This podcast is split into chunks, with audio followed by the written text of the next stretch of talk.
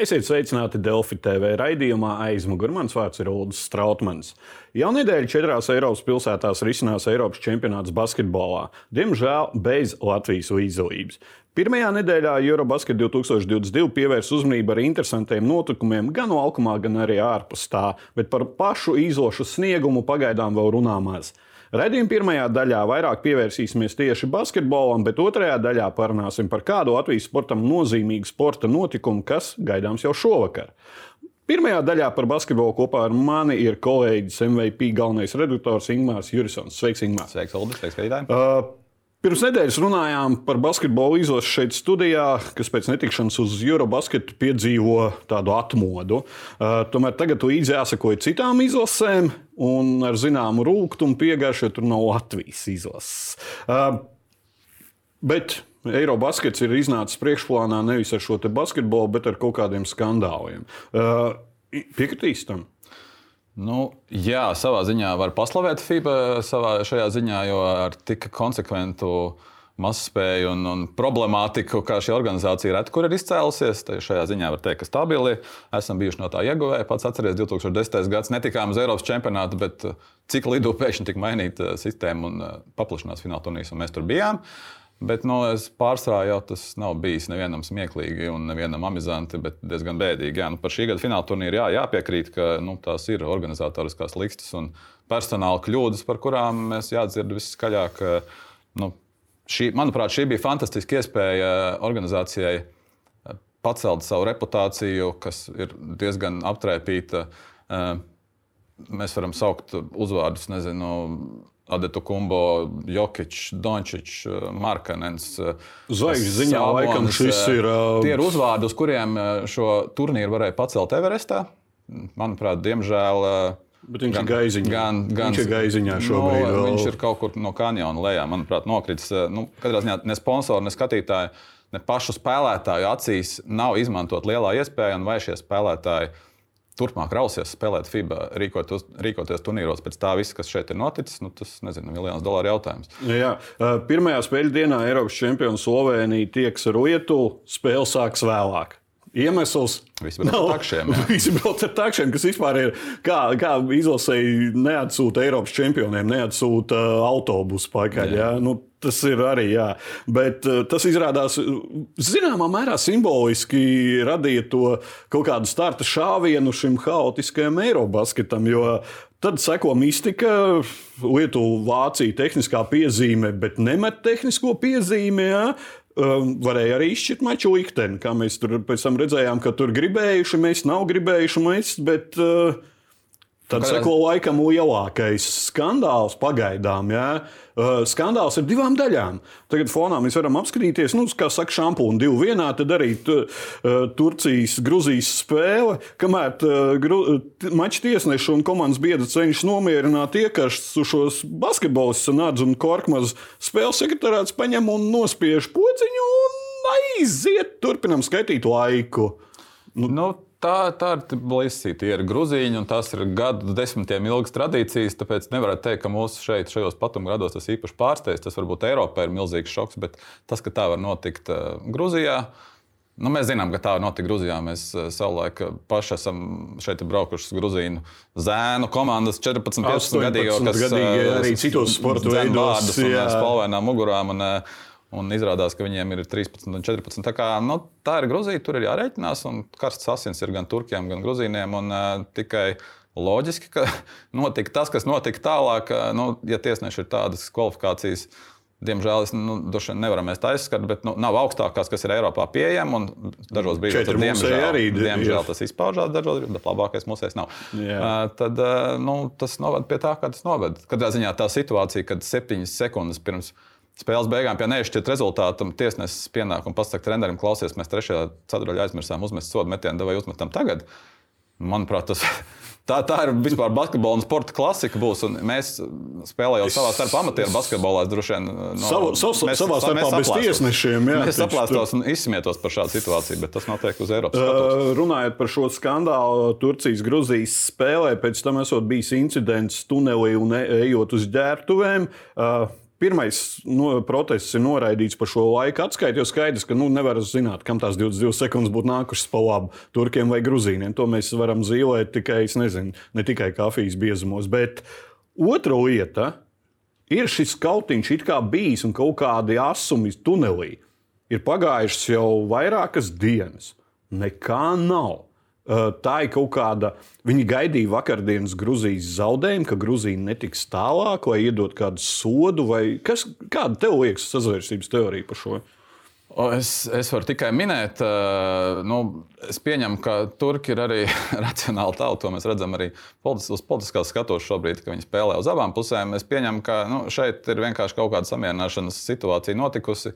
Uh, ir bijušas kaut kādas pārunas, ir kaut kāds, kaut kāds burkāns iedots. Un, uh, lai vismaz pieklusinātu šobrīd šo situāciju, nevis skaļi risinātu. Es pieņemu, ka aizklausēs varbūt tas ir risināts. Un, uh, Kaut kādā veidā, ja mēs zinām, ka Turki piedraudēja ar boikotu, jo viņiem neiedos šīs novērošanas uh, kameru ierakstus, tad uh, nu, es nedomāju, ka viņi ir iedoti.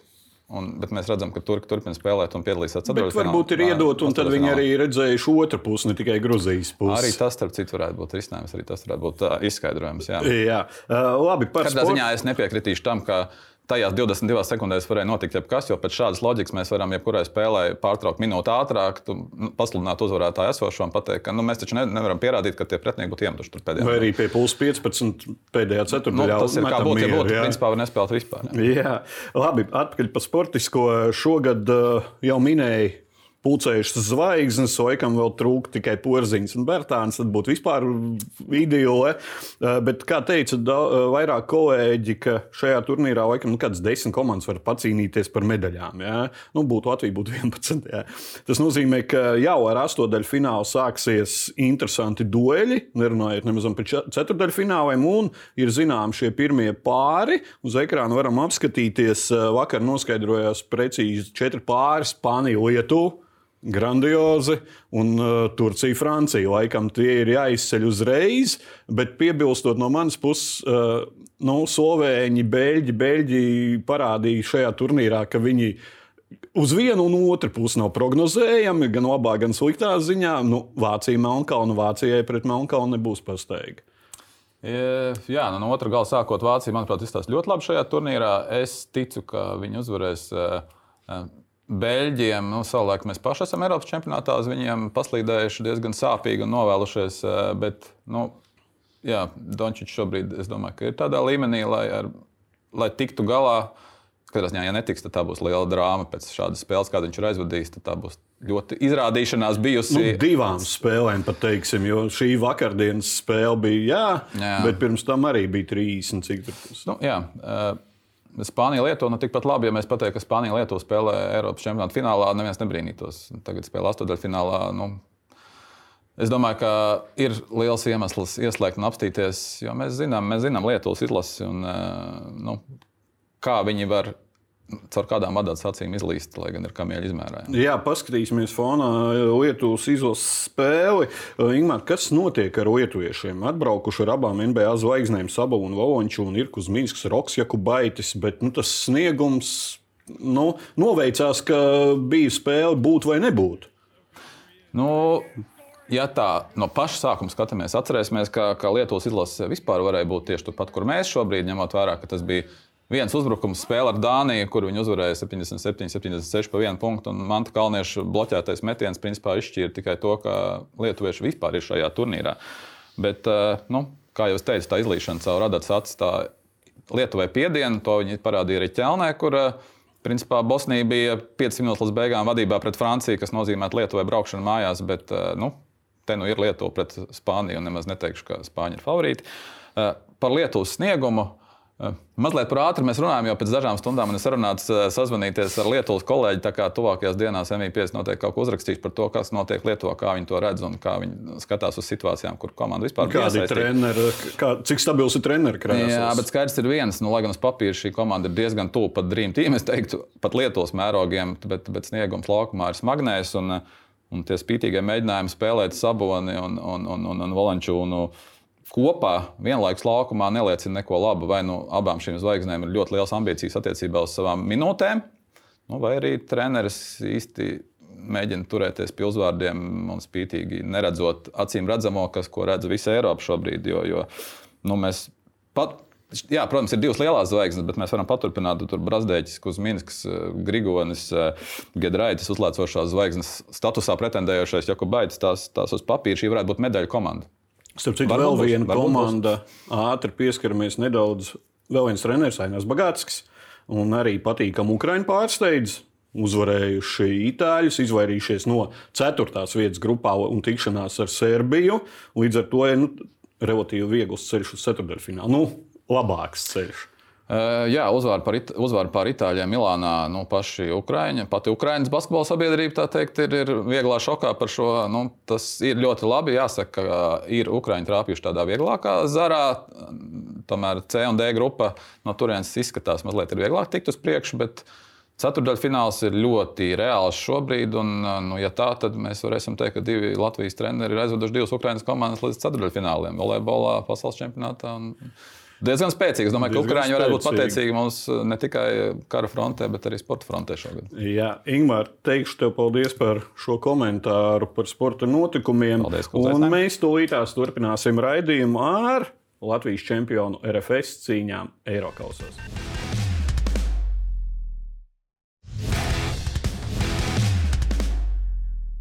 Esiet sveicināti atpakaļ raidījumā aizmugurē. Latvijas sports šīs nedēļas galvenais notikums, un tas ir beidzot saistīts ar sporta karalu futbolu. Futbols ir atgriezies Latvijas sporta tronī, jo Latvijas čempioni RFS sāk dalību UEFA konferences līgas grupu turnīrā. Tā ir otrā reize, kad Eiropasos grupu turnīrā spēlē Latvijas komanda.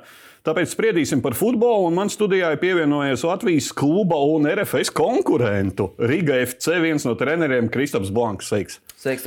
Savukārt Florencē kopā ar RFS šobrīd atrodas portāla Delfi žurnālists Salmans Poikāns. Sveiks, Almant!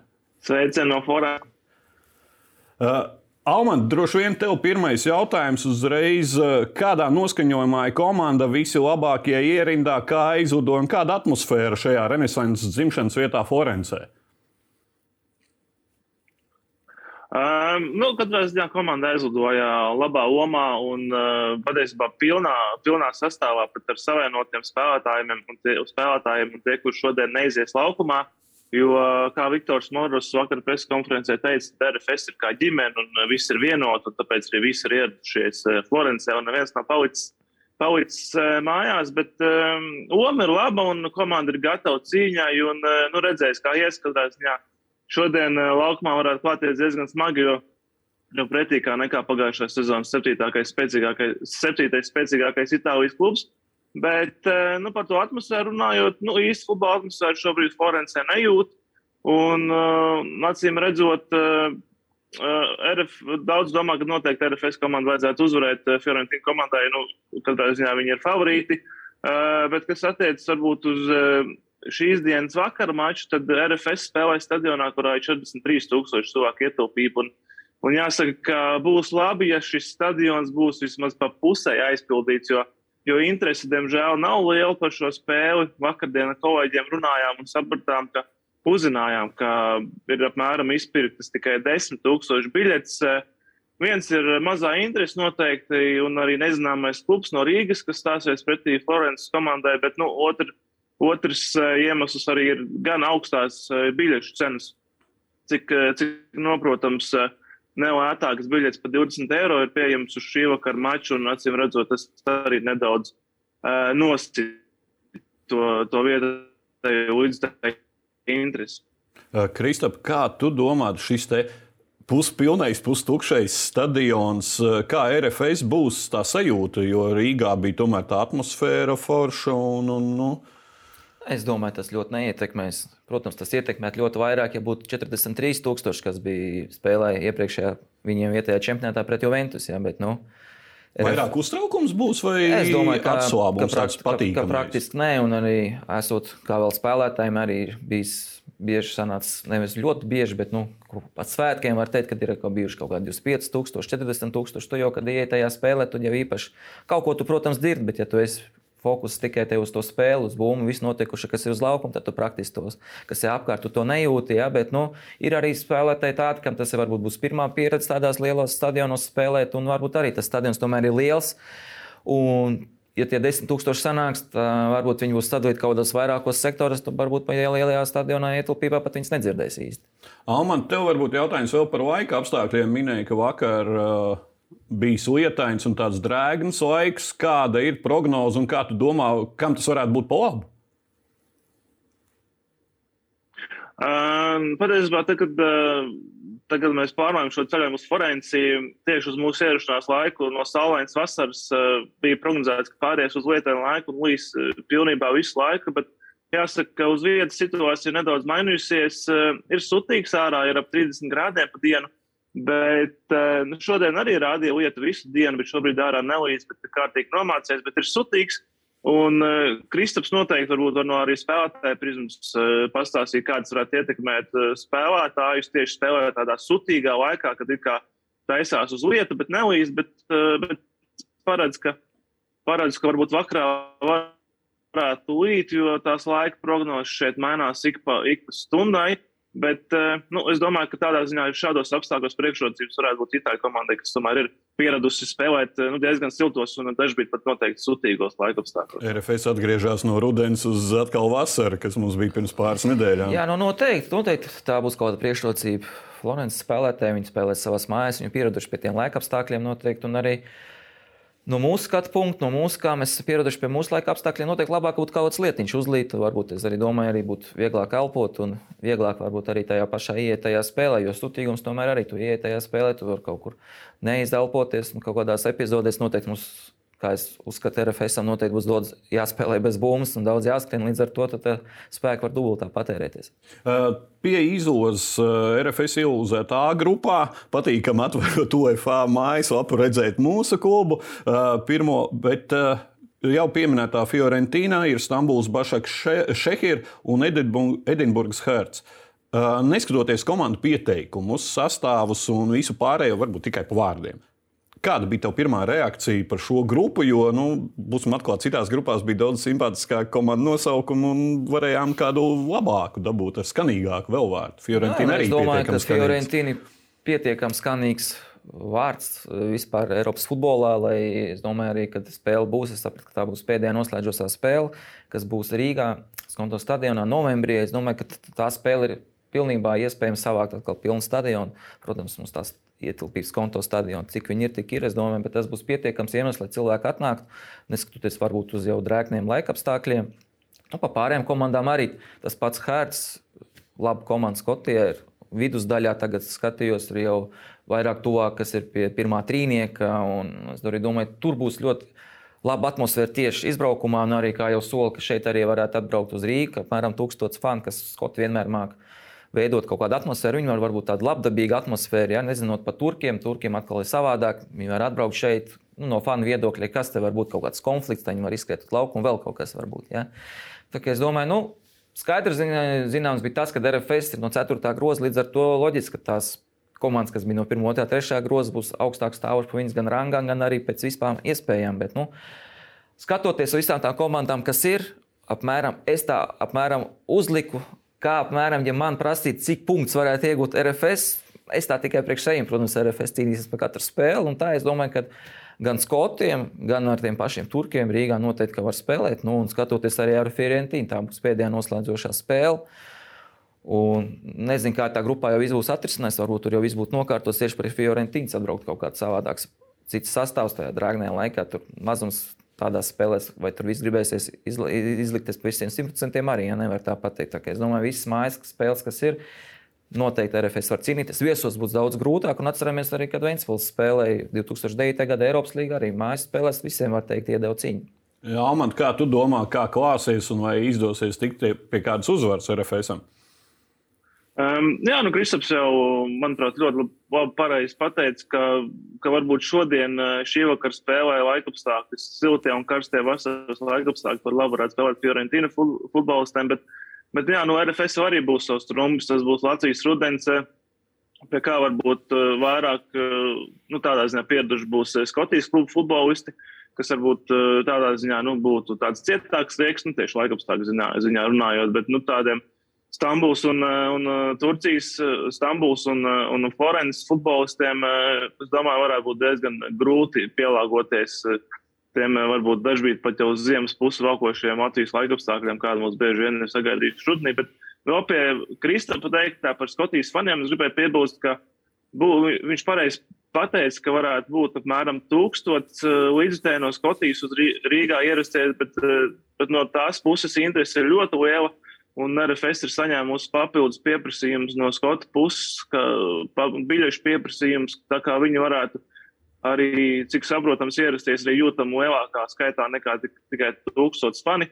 Un katrā ziņā Skoti noteikti parūpēsies par labu atmosfēru ne tikai pie sevis Edinburgā, bet arī, arī Rīgā. Nedaudz par citiem pretiniekiem pieskarsimies. Kā tu domā, vai kas Fiorentina līdz pirmā vietā grupā? Nu, pēc tā visa rankas arī ir. Tas tāds ranks arī būtu. Varētu arī būt tas Fiorentina, Turki, Skoti un tad Latvieši. Jā, bet, nu, kā jau mēs zinām, tas ir viss tikai uz papīra, nu, un viss iztirsies laukumā. Es domāju, tās iespējas, un RFS arī tomēr ir spēlējuši Eiropasos arī, arī pret labu līmeņu komandām, ir labi sev parādījuši.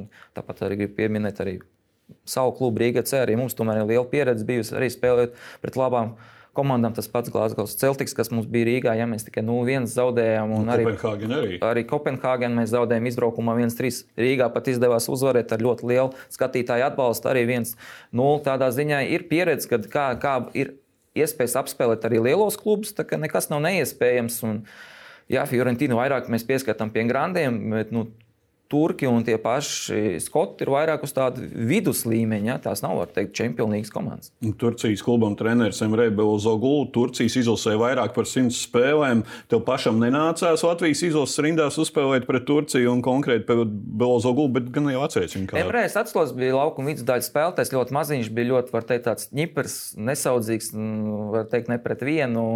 Tādā ziņā viens no labākajiem spēlētājiem viņš arī bija toreiz, kad, mē, kad Latvijas izlase apspēlēja Turciju šeit. Jā, viņš ir ieviesis komandā arī to ātrā futbolu neizskatījies. Es, ja godīgi, neesmu pētījis tik dziļi. Nu, nav jūsu pretinieks nav, arī. Protams, man jau īstenībā tā, jo zinot tas, ka mums bija tā pirmā iespēja iepriekšējo gadu tikt tajā Eiropas, Eiropas grupu turnīrā. Nu, konferences grupu, jā, mums bija tā pirmā iespēja, mēs jau bijām play-offā, arī pirms tam mēs bijām.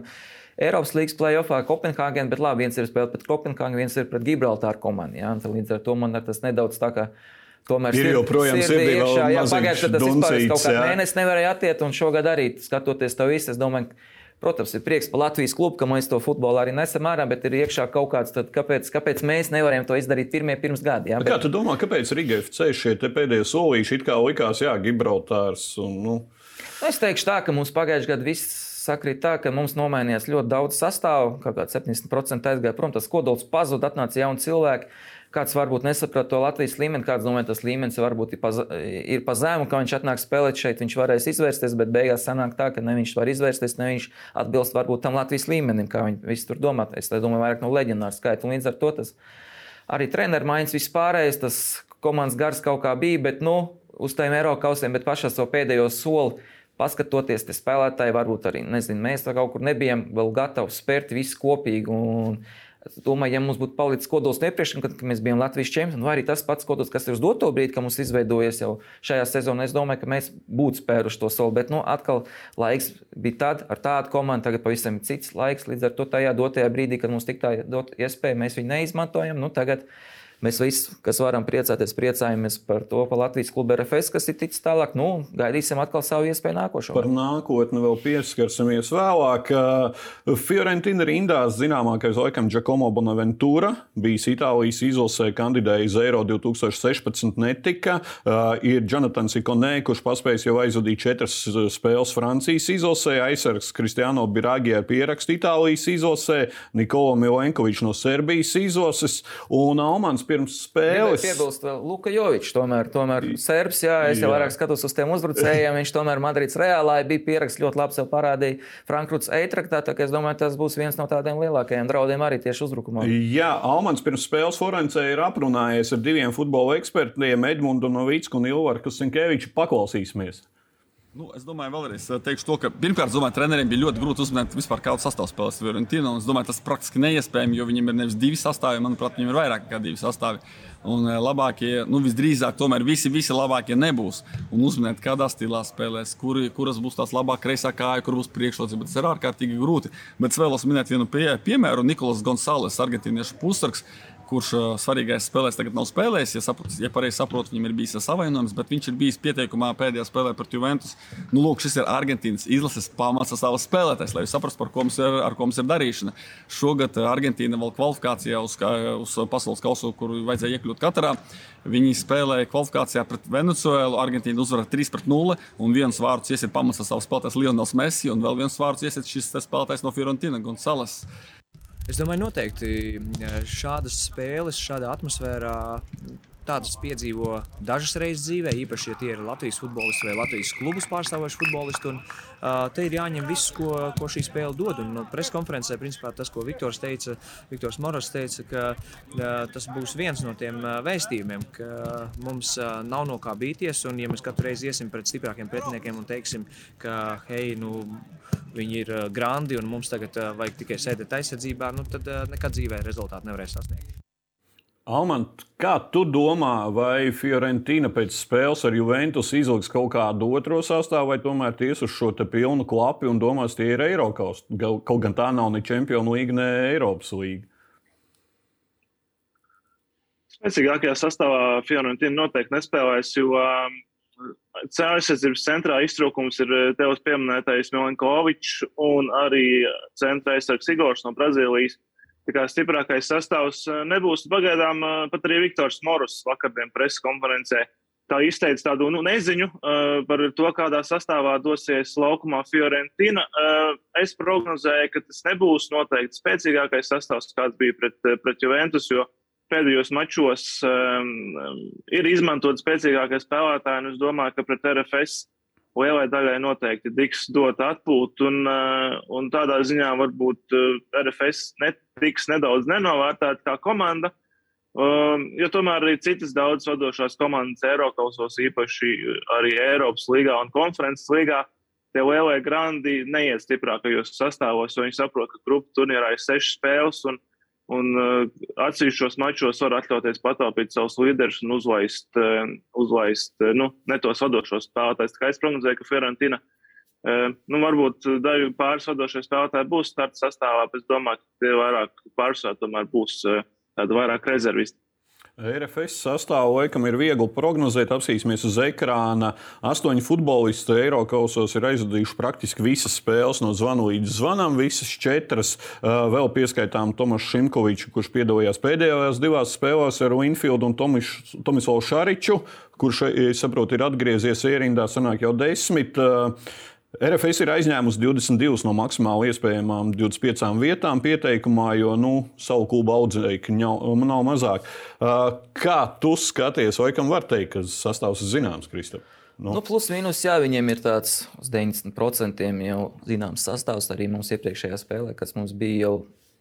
Viņas prognozēt bija vieglāk, apmēram tās pozīcijas jau apmēram mēs zinām, kur katrs spēlēs. Es domāju, arī ja Fiorentīna viņus ir skautojusi un pārdziļināti skautojusi, tad arī var būt pa vienām. Varbūt viens, divas pozīcijas, nu, varbūt viena pozīcija, jā, bet nu, pārsvarā jau plus mīnus viņi arī zina, kā RFS spēlē un kāds sastāvs varētu būt. Nu, viņiem tas sastāvs tagad ir izklāstījies. Nu, protams, arī tas, ka Paničs atnāca, arī, kas pēc tam bija pie mums, arī tas pats Šaričs, kuram bija ģimenes problēmas, bet kurš ir arī atgriezies, tie ir spēlētāji, kas laukuma vidus daļā var arī noteikt to. to nu, un, Šimkovičs arī nebija sezonas sākumā, atgriezies. Nu, noteikti dod ar savu pienesumu to, ka viņš ir pieredzējis spēlētājs un ar to, ka ļoti labāk izpildīt standarta situācijas. Varbūt nav tas pats ātrākais uz laukuma, bet nu, savus pienesums viņam ir. Nu, noteikti arī Pāvils Steinbors, Latvijas izlases, var teikt, viens no vērtībām. Tagad pamatsvārdsargs, kas jau ir izcīnījis ilgs gadus šo vietu, tagad vairāk konkurē ar Robertu Ozalu vēl spēlētājiem, bet arī jau ir teikt, savā karjeras tādā nedaudz tā norietā, ja ir atgriezies mājā, bet nu, savu līmeni, ko mēs redzam, kāds viņam ir, viņš tomēr viņu rāda, un arī no viņa būs daudz kas izšķirīgs tieši šajā spēlē. Jo pēdējā spēlē, tas, kas bija Belfāstā, mēs redzējām pret Linfeldu, cik daudz viņš glāba komandu. Sastāvs ir skaidrs, bet man liekas, ka Viktors Moros ir no tiem treneriem, kurš sastāvu nemaina, bet maina spēles stilu. Un viņš varētu šeit uztaisīt kādu pārsteigumu, kā treneris. Nē, nu varētu uztaisīt, protams. Treneriem jau vienmēr jābūt kaut kāds azotē, vēl kaut kādai kārtībai pret katru pretinieku, jo tu nevari spēlēt ar pret vienas schēmas vai arī tiem pašiem spēlētājiem. Varbūt it kā viņš der tajā spēlē, bet tomēr varbūt viņš dara citā pozīcijā vēl labāk. Jā, kā, nu, ir, iespējas, ir iespējas arī pēc, pēc stāstā, tā dziļuma, kas viņiem ir. Viņi var nospēlēt ar trīs centra aizsargiem, jau var izveidot nevis 4, 2, 3, 1 schēmu, bet spēlēt ar pieciem aizsargiem vienā līnijā. Ja, tas ir trīs centra aizsargi un malējā. Nu, skatīsies, Viktors tādā ziņā, es domāju, ļoti katrai spēlē noiet pieiet skulptūros. Ar Viktoru esam kopā daudz laika pavadījuši, gan skonto spēlēt, gan arī kopā kursos mācoties. Tā kā ir man ir kaut kāda sapratne, kā Viktors pieiet tam darbam.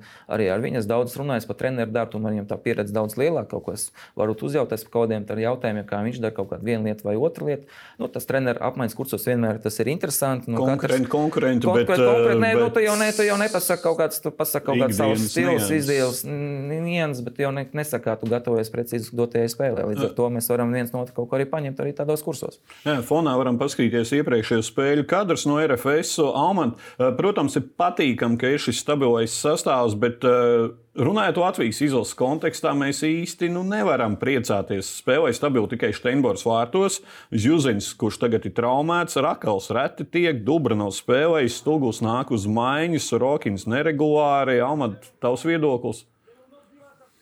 Uh, nu, Jā, nu tāda šobrīd, diemžēl, ir, eh, diemžēl, ir realitāte. Un eh, nevar sapulcināt eh, varbūt visus labākos spēlētājus Rīgas klubā, RFS. Bet, bet nu, varbūt jā, nu, šobrīd, tieši skatoties varbūt nākotnes kontekstā, varbūt tieši šis, šie 3,3 miljoni kā, kā minimums, ko, ko RFS iegūs, iegūs par dalību grupu turnīrā, varbūt palīdzēs atsauks varbūt kādu leģionāru atpakaļ uz, uz Latviju. Tad varbūt nu, izjūta RFS tiešām nostabilizēsies uh, uz Eiropas skatuves. Bet, bet nu, jā, nu, tādā Latvijas izlases kontekstā, protams, uh, būtu jau patīkamāk redzēt uh, Vācijas izlases spēlētājs Eiropas grupu turnīrā, bet, nu, diemžēl, tāda, tāda šobrīd ir realitāte un leģionāri acīm redzot, ir pārāk pār, pār vietējiem. Un mākslīgi jau neviens, neviens šo vietu sastāvā nedod.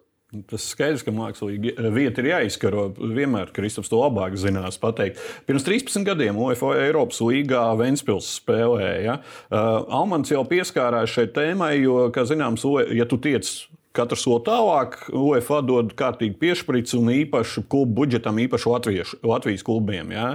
Uh, Kris uh, Ventspils pirms tiem 13 gadiem īsti nu, neizmantoja. Nākamajā gadā nebija tāds grūdienis Latvijas futbolā, un tieši viņi nedominēja Latvijā. Tagad Vēnspils vispār ir pazudus no Latvijas futbola kārtas, ja, ši, iepriekšējā Vēnspils. Kā tu domā, vai izdosies ar šo te dabūt kaut kādu, jo arī Eiro 2004 nu, nedēļa Latvijas futbolam tādu grūdienu. Izdosies kaut kur pacelties? Nu, tieši par tiem grūdieniem, neskatoties, neņemot RFS klubu kā tādu, priekš Latvijas, es domāju, tas kaut kādu grūdienu varētu dot. Es domāju, tieši spēlētāju piesaistē, neatkarīgi ja ņemot klubu vai RFS, Rīgu vai Liepāju vai, vai to pašu Valmieru, tomēr arī spēlētāji redz, ka ir klubi no tās valsts, kuriem apmēram uzaicina doties, ka no kluba no tās valsts spēj izsisties līdz kaut kādām tur, kā mēs zinām, konferences līga, Eiropas līga, Champions League, tas jau būtu paši, paši augstākie griezti, ja, bet ņemot to pašu konferences līgu, tā ir lielā Eiropas skatu, kur tu vari sev pierādīt un spērt kaut kādu nākošo soli. Tagad arī ir RFS arī spēlētāji, kuri ir interesanti, es domāju, Eiropas tirgu, kas varētu sev parādīt. Un, protams, viens ir sekot kvalifikācijai līdzi, tas arī mums bija spēlētāji, kad ļoti labi parādīja savu kvalifikācijā, bet nu, tu to lielo savu parādīšanu, iziešanu skatu var parādīt tieši, kad sākās grupu turnīrs. Ja? Un es domāju, tādā grupu turnīrā tas pats Emersons Lipušeks, kam sāka, ja? kas, ir, kas varētu būt viena no tiem, ko varētu kaut kur tālāk nopārdot, vēl kaut ko tādu. Tā ir tā skatu, kur viņiem jāparāda savs līmenis un atliek kaut kāda viena spilgta spēle, kaut kāda spilgta epizode, kaut kādā tajā pašā spēlē pret Fiorentīnu sev parādīt, nokārtot kaut kādu vārdu gūmu sev vai arī ar labu piespēli partnerim. Un es domāju, tur jau es kaut kādos blociņos vēl vairāk ticis iekšā un tev tā ir iespēja vēl lielāka nekā tā ir, ja tu tikai spēlē vietējā čempionātā, kur tie skauti nav tik daudz. Laikam jāpiekrīt, Almant, ka tieši spēle pret Fiorentīnu šajā aspektā, tirgošanas un spēlētāju tālākās karjeras aspektā, viena no svarīgākajām RFS. Jā, tieši tā. Es gribēju piebilst eh, Kristap teiktam, ka nu, ir ļoti labi, ka mums ir šis vismaz viens grants nosacītais, eh, nosacītais grupā, jo jo tā ir lielā skatuve. Un uh, arī teiksim, sociālajos tīklos Fiorentīnai, teiksim, Twitterī pāri 700 tūkstošiem sekotāju. Un, un katrs, teiksim, arī ieraksts par RFS uh, Fiorentīnas kontā kā, nu, padara atpazīstamāk tieši mūsu Latvijas klubu un, uh, un arī tādam, tādam ārzemju spēlētājiem. Nu, viņi ieraugšu Latvijas klubu un uh, kurš spēlē grupu turnīrā. Es domāju, tas tikai palielinās interesi par Latvijas futbolu. Uh, un arī būs vieglāk Rīgas klubam piesaistīt savus spēlētājus. Nu, tas ir ļoti labi no vienas puses, ka mums ir grants. Protams, sportiski varbūt ne tik labi, bet nu, tādā atpazīstamības līmenī tas ir ļoti labi un palīdzēs Rīgas klubam tikai iet uz priekšu. Jo atcerēsimies, ka Itālijā tomēr futbols tas ir tā kā Lietuvā basketbols. Jā, nu, jā protams, tas, tas ir, ir pavisam savādāk. Tur pa nu, tur visur ir futbols. Tādās lielās valstīs, kas ir top valsts, tur nu, par futbolu visur runā. Tur, jebkur tu izējot, paprasot kaut ko, visiem viss ir skaidrs, par ko, pa ko runa, par kādu notikumu. Un tur par tādām citām lietām arī avīzēs, tur pēdējās lapās būs basketbols. Nu, un pirmās tur, var teikt, lapas būs tikai saistībā ar futbolu. Visādas schēmas tur zīmē eksperti runā, daudz visādas diskusijas par ko kam labāk spēlēt. Nu, tas viņiem viss ir interesanti, tāpēc futbols viņiem tur aug, futbols ir pirmajā vietā. Kungi, teikšu jums lielu paldies par dalību raidījumā, un turēsim īkšķi šovakar par RFS un arī turpmākās Eiropas spēlēs un par Latvijas izlasi šī mēneša beigās Nācija līgā. Skatītāji, sekojiet līdzi Delfi reportāžām no Florences par RFS spēli pret Fiorentīnu. Šis bija raidījums aizmugure, kas redzams katru ceturtdienu Delfi TV un RTV. Mans vārds ir Ulrichs Strautmanis. Lai jums silts ceturtdienas vakars!